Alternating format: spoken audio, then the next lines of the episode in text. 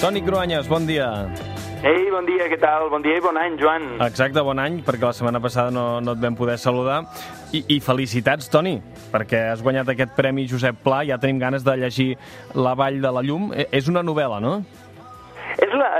Història de la meva família, del meu avi, de fet, i sembla una novel·la per tot el que explica, pel que hem descobert una mica de la seva història, de la seva infantesa, de l'època de la guerra i la postguerra. En realitat, per això, tot és real, és a dir, que és una mica periodisme mirant cap enrere, periodisme d'història. Clar, parles del periodisme, normalment tu el que fas amb eh, l'exercici del periodisme és explicar-nos les notícies, però aquest dijous et vas trobar que la notícia eres tu, no sé quina sensació vas tenir.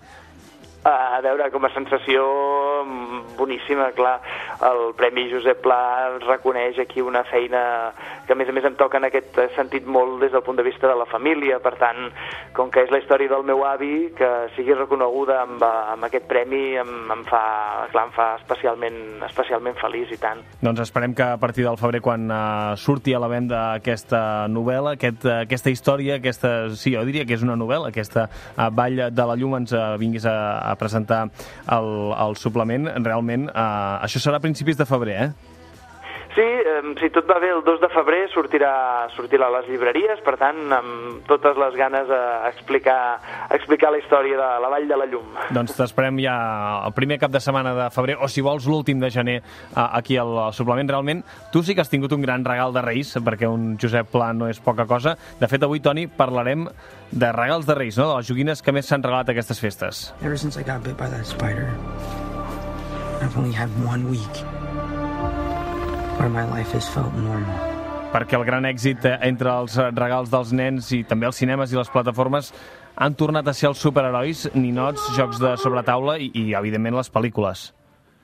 Sí, aquest Nadal ha sigut el de Spider-Man, però també altres mm, superherois com Batman, Superman, tota aquesta legió de, de superherois. Ara, ara tots formen part de Marvel, que en mans de Walt Disney s'ha convertit en una fàbrica immensa d'imaginació, de somnis, bé, i evidentment, eh, d'ingressar milions i milions de dòlars. Abans, Toni, els superherois eh, tenien les seves aventures en el seu còmic o la seva pel·lícula particular, però ara ho han ajuntat tot, han creat el que és ja un univers de personatges que, que es venen a escala planetària els superherois apel·len a uns sentiments, a una admiració universal i encara que Marvel fan servir criteris de màrqueting i de publicitat per decidir les seves històries d'herois i d'heroïnes, la, la veritat és que tot això de les persones amb poders especials i sobrenaturals està inventat des de fa molts segles, concretament des del segle VI abans de Crist. Atenes, els déus de l'Olimp són els primers precedents, de, per exemple, de Superman. Mira, mai m'havia sonat a la Grècia clàssica aquesta sintonia i ara que ho dius... Escolta, quin és l'origen dels déus grecs? A veure, els grecs tenen els millors poetes, que expliquen millor que ningú abans les aventures dels seus déus. Les tragèdies gregues, de fet, són els grans divulgadors dels déus, les seves històries, més que no pas les cerimònies religioses. Clar, a més, hem de tenir en compte que Atenes, històricament, és la primera democràcia i, per tant, els déus deixen de ser eh, no només criatures que fan por, sinó que són una mica més humans, es barallen entre ells. Els déus grecs tenen defectes. Doncs va, comencem des de l'inici. On, on comença tot? A l'inici dels temps, Cronos, Cronos és el gran tità, el pare de tots els déus, que té por que els seus propis fills li facin la guerra i el matin, i per això es menja tots els seus fills. Cronos havia tingut fills arreu del món amb dones diverses, i a Creta és on Rea dona llum a Zeus, que amaga, amaga el seu fill per evitar que Cronos se'l mengi. En clandestinitat, Zeus aconsegueix fer-se gran i es converteix en el referent de la resta de déus. Realment, Zeus era el déu dels llamps, del cel, de la justícia i de moltes coses més. De fet, era el déu amb, amb més poder, oi? És curiós perquè justament perquè va haver d'enganyar per sobreviure, també és un déu molt caricaturitzat, com un estafador. És el déu de l'engany. És molt propi això de la política democràtica d'Atenes. En aquell moment els grecs són déus amb referències molt humanes. Zeus era el déu dels polítics. A més, tenia sempre ganes de sexe amb dones i per això també enganyava, o sigui, es disfressava. Es disfressava per aconseguir els favors de les dones i precisament per això també va tenir molts fills.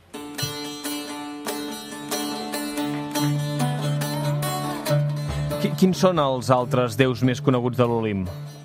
A veure, hi ha Afrodita, deessa de l'amor i del plaer. També hi ha Ares, déu de la guerra i la força.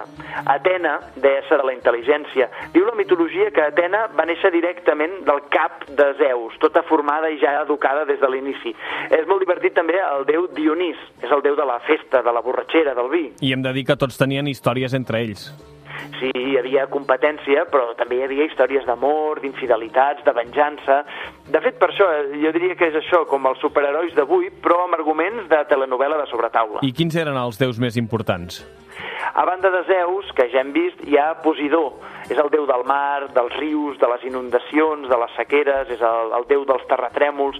Era un déu molt temut perquè Grècia era una cultura de mariners i comerciants, es comunicaven a través del mar, evidentment també era una societat agrícola, com totes les de l'època.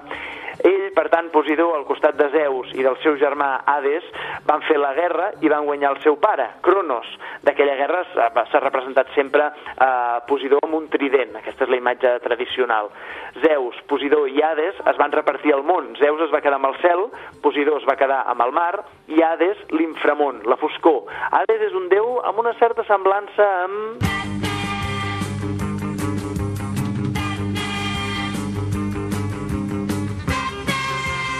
Home, Batman, tio. Suposo que ho dius perquè Hades vivia en la foscor, Toni.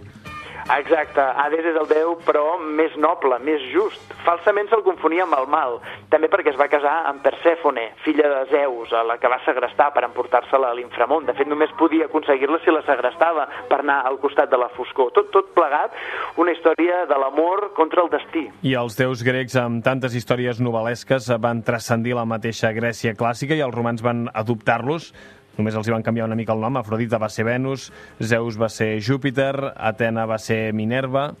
Exacte, i de fet així la tradició d'aquests déus, en, diguem-ne que així és com, ha, com han arribat fins avui. Suposo que els romans, com a desgreuja, dirien que no van plagiar, sinó que van fer un homenatge. En tot cas, Toni, avui arribarem a les 9 amb la cançó que tanca l'última pel·lícula de Spider-Man. És un dels grans èxits, com deies, cinematogràfics d'aquestes festes. Uh, és The Magic Number, dels rapers de la Soul. Sí, crec que és això que està sonant.